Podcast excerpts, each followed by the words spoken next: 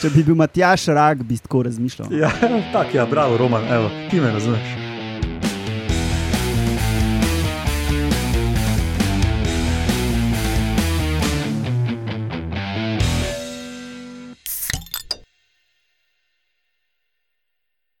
Lepo zdrav, poslušate 141. oddajo Metamorfoza, podcast o biologiji organizmov, ki vam jo kot vedno predstavljamo skozi lahkoten pogovor o pivu. Jaz sem Matjaš Gregorič in danes so z mano kadeča se ornamentalka Alenka Rozman, Živijo.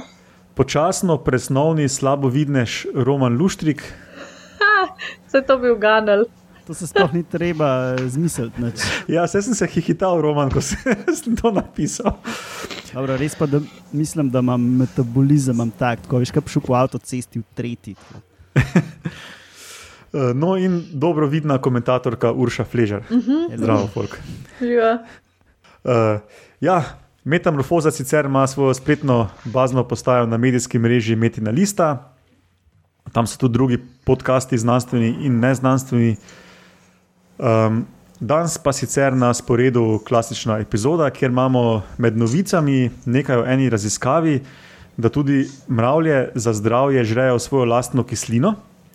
In ali ste vedeli, da je postonsko-planinski sistem najpestrejši, najpestrejši jamski sistem na svetu? Kaj ne zdaj jaz povem? Vse boš povedal to. In vaški posebnež danes tobak, rastlina. Tobak. Drugač pa uh, dobili smo en mail, uh, pisala nam je Petra, ki je brat priporočil metamorfozo, tako da hvala, dragi brat. Ta jo že namara.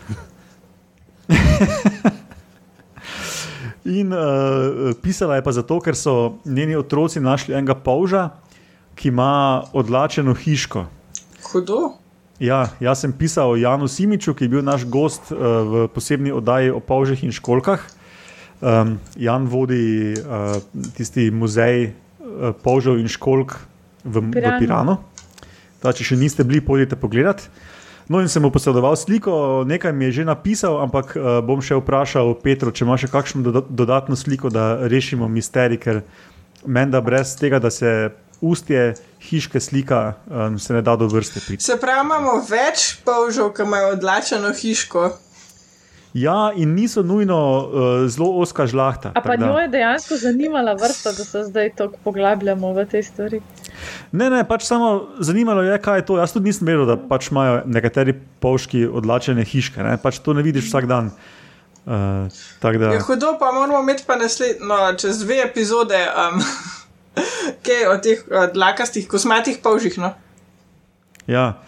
tako da Jan pravi, da je mogoče helikodonta obvolata, ampak da imajo te helikodonte neke čudne zobce pri ustju in tako, da bi mogel več videti. Ok, potem pa preden zagrizemo v to oddajo, še povemo, eh, kdaj to snemamo. Na današnji dan, leta 1988, se pravi pred točno 32 leti, je umrl Raymond Arthur Dart, avstralski fizični antropolog, ki je najbolj znan po svojem odkritju fosila v Južni Afriki leta 24, ki ga je takrat predstavil kot vmesni člen med opičjimi predniki in ljudmi in ga je takrat poimenoval Australopithecus africanus. Lucy in the sky with the diamonds. Oh, A je ta? Ne, Mislim, to je bilo ful kasneje, ne? To je, zakaj je to smešno? Zato, ker med izkopavanjem so uh, poslušali od Beatlov to pesem. A je Lucija Farenzis, E, ne vem. Fakt checker pregledujem. Ja, Ferencis, imaš prav, Roman. Pa lahko še enega povem, tako bolj ma, na manjši na ravni. Na današnji dan je umrl leta 1981 uh, sir Hans Adolf Krebs. Ah, tega sem tudi jaz imel za naslednjo epizodo. to se mi pa znano sliši. Ja, ja Krebsov cikl, oziroma karboksilni kislinski cikl To sem mislil. Cikl citronske kisline. ali ci, cikl citronske kisline. Za tega je tudi Nobelovo dobo in ga vsi, ki smo bili študenti biotehničkih ali pa medicinskih ved, se ga vsaj spomnimo zaradi krepsovega cikla, če ne drugo, ne, ko smo ga mogli znati na pamet. Ja. Krebsov cikl je pa proces, ko celica dela štrom. iz cukra, to je proces, kako skuraš um, energijo. Mislim, uh, cukor v štrom spremeniš, to je. Ali uh, kis, um, maščob ali proteinov. Ja, Smo, štartamo. dej gas.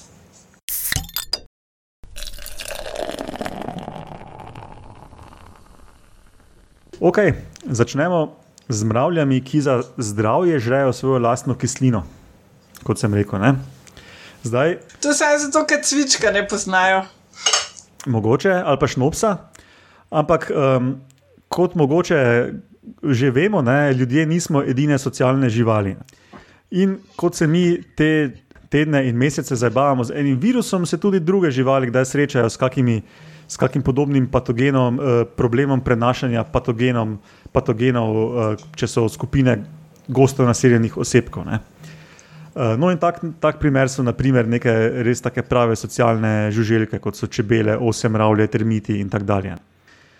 Eh, No, in pri teh žuželkah gre pogosto za patogene v prebavnem traktu, ker te žuželke tudi doskrat prenašajo eh, svojo mikrobno fauno, floro na potomce ali pa med osebki. Ne? In eh, potem bi tudi, če, eh, če ima katera kakšnega patogena v prebavilih, bi ga prenesla ne? in se bi to širilo tam po, po koloniji, kar ni kul. Cool, In to je zdaj ta problem, ne? če, s- kaj pa če je v hrani nek patogen, nek patogeni mikroorganizem, kako preprečijo te žuželke, da se ta patogen razširi po celi koloniji, recimo po celem mravlišču.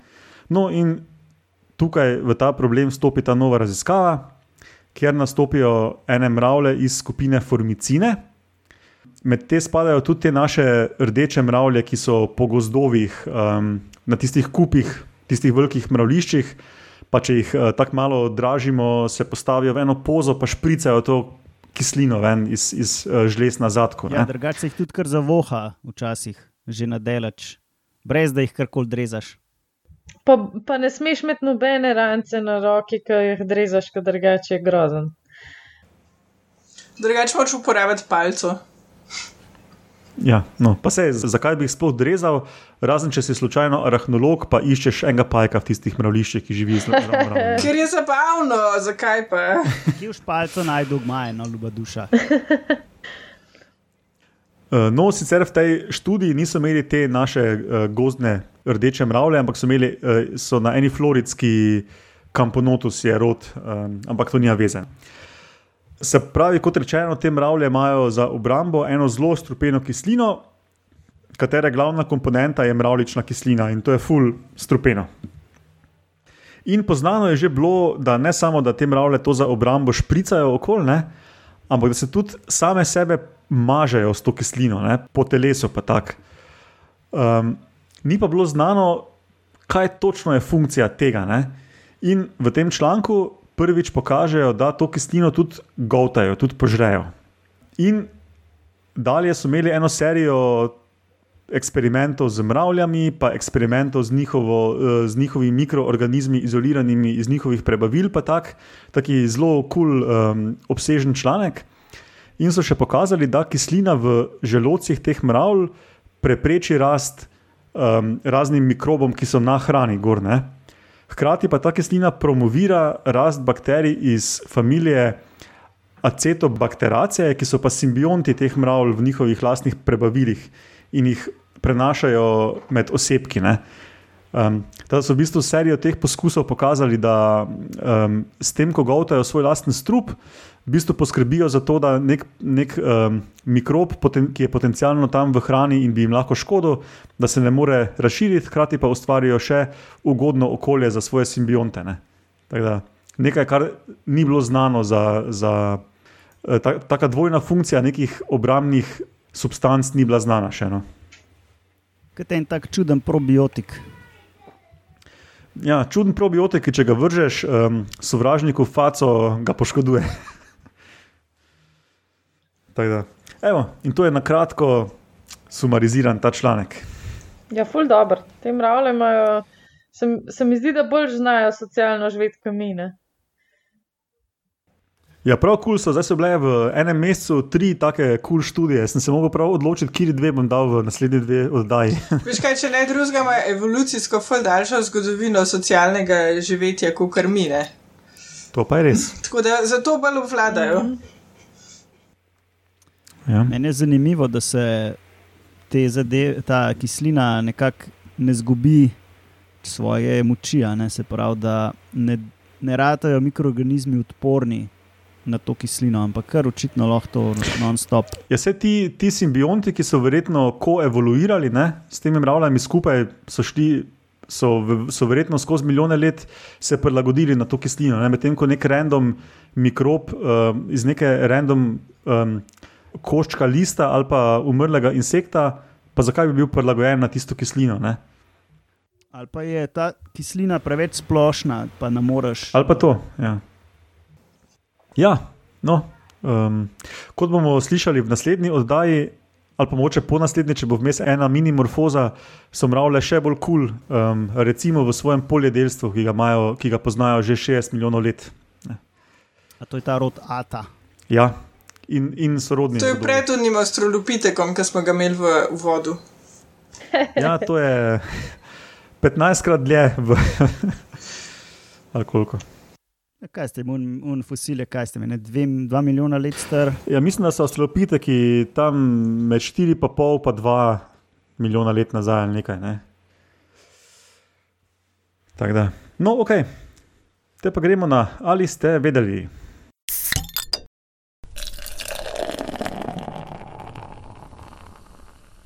Se pravi, jaz moram pa povedati nekaj o postojnsko-planinskem janskem sistemu. Uh, kot ste lahko uganili, je ta sistem prisoten na območju postojne, uh, pa planine. To, planina je tudi en, uh, oziroma planina, odvisno kako ste uh, bili vzgajani. Je tudi en kraj tam blizu in to je en jamski sistem enih rovov, dvoran, kanalov, po katerem teče voda Kjer je že? ta voda pride. Uh, en kup jih imaš, ampak med drugim sta pivka in rak, tako kar special. Uh, pivka je tako malo večja, uh, rečica, rak je pa en tak potoček, uh, ki ga lahko vidite, mislim, da v rakovem škocijanu, ki preteče iz ene jame, pa teče ne 500 metrov, pa gre pa spet v zemljo. Uh, če se vam nadaje, da do postojne greste do Ljubljana, pa je to pač ista voda. Um, no, ampak zanimiv del se pa dogaja lih tam okoli postojne. Uh, kot sem rekel, to je en kup enih kanalov. Uh, mislim, da so izmerili za enkrat, da, mislim, da več kot 25 km že teh znanih rovov, vključno s postojansko jamo. Ne? In v tem sistemu jam so prvič opisali živali, ki uh, stalno živijo v podzemlju, ki jim rečemo troglobionti. In so tudi pr zelo prilagojeni na to življenje, se pravi, imajo zelo dolge antene, uh, biologi bi rekli, enormne antene, uh, imajo dolge tačke, uh, nimajo oči, nimajo pigmenta. To so vse značilnosti prilagoditve na življenje v popolni in stalni temi. Zakaj je ta sistem zanimiv? V, eni, v enem prispevku sta Kalvar in Sket. Uh, Sket je en profesor z biotehnične fakultete. Če ste kdaj imeli biofaksa, šli pa ste enega zelo belega gospoda v coklah videli, no to je on. Se velikrat četa tam po tisti kolesarski stezi. No, in on, on sta skupaj z enim uh, gospodom opisala uh, en kup enih teh sistemov po celem si- svetu, enih tak, teh podzemnih sistemih. In so ugotovili, da je 20 takih sistemov, ki imajo 20 ali več vrst, samo teh podzemnih vrst živali. A ne? Wow, si misliš. a ne? No, in pol imaš šest od teh top sistemov je z dinarskega krasa, in pet od teh je iz Slovenije. In v tem postojnsko-planinskem uh, janskem sistemu je že najdenih preko 100 vrst. Uh -huh. Tako da v bistvu top špica po diverziteti. Ej, sam, kako pa to, da glih v naših klimatih tukaj, kako to, da v tropih ni bolj raznoliko? No, Slovenija je pa pač na zanimivi, na takem prepihu vseh enih različnih uh, sistemov. Kot prvo, kras je tam, kar pomeni, da je apnenci in je to zelo porozno, se pravi, veliko lukance, veliko lukan, veliko špran, veliko kanalov, zelo veliko različnih mikrohabitatov, habitatov.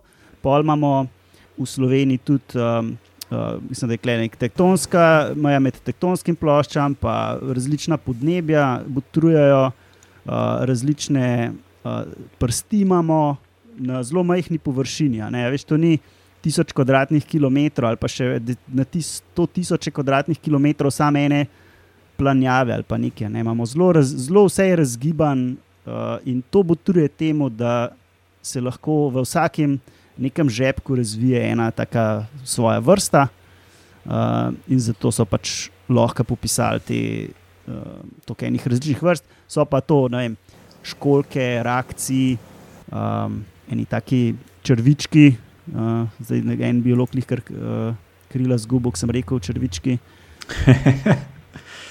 Pavški sem že rekel. Um, predvsem so pa to hrošči. Uh, in prvi troglobiont, ki je bil pisan, je bil tudi hrošč, uh, ki so ga tam le en gospod iz Šiške uh, ga je popisal. A to je ta drobnovratnik. Ja, ja. Meni je bilo zanimivo, ker je ena sodelavka, dr. Marita Konc, delala doktorat na temo enega uh, vodnega rakca in so vzorčili v raku in v pivki, in pol tudi na sotočju teh dveh vod. In je bilo zanimivo, da rakci iz pivke pa iz raka so bili različni, in pol na sotočju so bili pa tudi različni, tako, ki si šel z enega brega na drugega, je bila kar meja vmes. Cool. Pa, pač tako, a veš, na parih metrih. Mislim, zakaj to? Vse voda je voda, mislim, kaj, kaj pa je point. Ja, mislim, da je fora to, da sta relativno je to nizka voda, pa pa samo vsake to cajta naraste. Takrat verjetno ne pride tako tam do mešanja, pride pa do mešanja dol, dol vodno, a ne, malo kasneje. Uh, ampak tam, na točno na sotočju, pa ni tako, da bi te reakcije kar lezali iz raka v pivko gor ali pa obratno. Hmm. Poleg tega pa kasneje dol, čez ne vem koliko metrov, ne, tam pa začne prihajati do hibridizacije med dvema, tema dvema vrstama. Aha, se pravi, v bistvu se lahko uh, parta med sabo, uh -huh. ampak se pač ne. Ker se jim ne. Vse, ampak ne na to. Na sotočju se jim pa ne da tako daleč hoditi en iz enega briga na drugega. Ali pa je glih takrat so točje, ker je tako visoka voda, ki oni niso v ciklu, tako da je bigane. Oni so skozi v ciklu. Moje so skozi. Takrat, ko smo reka zelena, se parijo. Ja, moraš izkoristiti, ko je urša. Hvala za nasvet. Ne, se to ni bil na svet za tebe, to je samo razlagam, kak, kaj si raki mislijo. Če bi bil Matjaš rak, bi tako razmišljal. Ja, tako, ja, bravo, Roman, evo, ti me razumeš. Ja, tako da v bistvu uh, zdaj, ko boste na kakšne, pol, ko boste šli lahko ven, a ne pa na kakšne dogodke, pa v tujino, pa to se lahko pohvalite, a ne da ima Slovenija zelo pester jamski, habi, jamske habitate, zelo veliko vrst, imamo tudi Proteusa, ki je eden med bolj znanimi, troglobionti. To je ful dober material za small talk. Ja, ja, ja, to je na konferenci Ja. ja. pač Se imeli smo tudi, um, ne vem, če nisi glih ti imel, Roman, uh, o enih jamskih školkah, ki so ful znane, kuščerje, eno vrstno ime se spomnim. Ja, ja, to je pa gospod Bolev pisal Ja, um, pred velik leti. Teda imamo, imamo kar nekaj tega. Ja, in recimo tudi um, za Slovenijo, v Sloveniji najdemo tudi med drugim no, enega mnogoščetinca. To, uh -huh. to Mhm. so praviloma morske živali, ampak ena vrsta iz tega rodu je pa pač v, v teh naših jamah, pa tam trst. Pa tako. Tako, Ful enih posebnežev, Cool. Bo, bodi dovolj. Zdaj že vsi spijo. Ne, jaz sem štrikam. No, dobro, te pa gremo hitro na vaše posebne, že da bo Alenka nehala štrikati.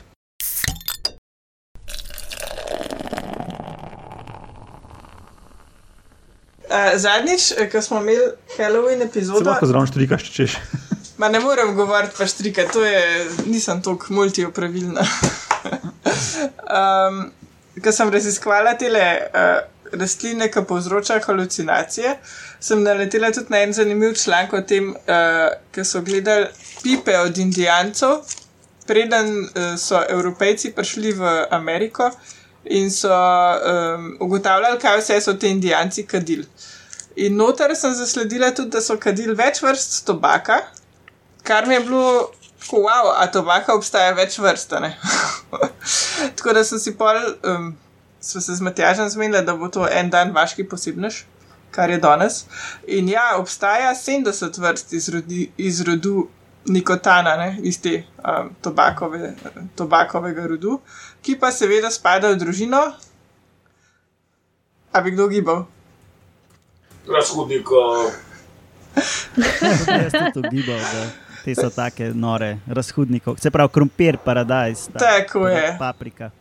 pa atropa beladona, ne volča češnja, ki smo že ve- večkrat imeli, da je zanimiva. In, vseh, eh, in večina ostalih rastlin, ki smo jih zadnjič imeli v napoju za letenje na metline. Hm, se pravi, kar, kar imajo skupnega te so, da so ful izkoriščene strani človeka, ali v enem ali drugem smislu. Ja, pač imajo snovi, ki, so, ki delujejo na naše živčevje. ne. Uh, to, to imajo v familiji. In, z, in zato so pač nam zanimive.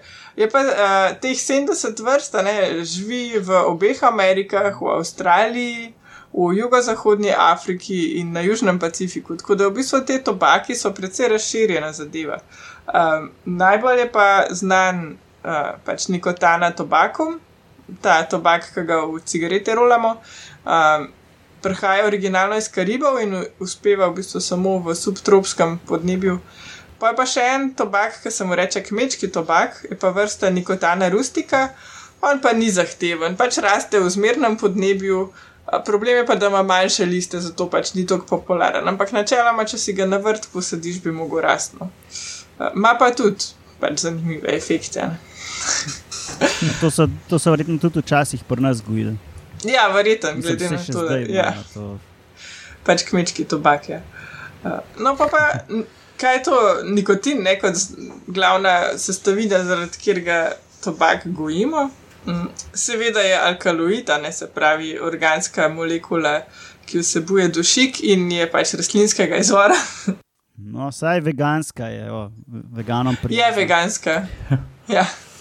Rastlina jo pa zato proizvaja, ker se z njo brani pred rastlino jedi, se pravi, da jo ne žrajo raznih hrošči ali večje živali.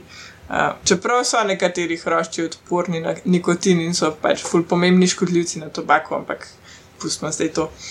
Nikotin v bistvu nastaja v koreninah, uh, rastlina ga pa pol kopiči v listih, ker je pač tisti glaven problem, da jo ne požrejo. Ne? In najvišjo koncentracijo ima pa tik pred cvetenjem. Tako da v bistvu, uh, ko ga gojijo, uh, cvetove sprošči pa stran, oziroma to je pač neka tehnika, da zadržiš v bistvu vi- visoko koncentracijo nikotina v listih. Ha, nikotin je pa v bistvu prisoten tudi v koki, logično, ampak najdemo ga pa tudi v paradajzu, krompirju, melencani, papriki, skratka v teh rastlinah, ki teh je žlahtah. v žlahti. Ja. Ampak verjetno v teh zelenih delih, bolj, ne pa v plodovih. Verjeten. Uh, nikotin je pa v bistvu tudi za sesalce zelo nevaren. Ok, no, v visokih koncentracijah pač povzroča halucinacije, zato so ga indijanci v bistvu zelo um, veliko uporabljali.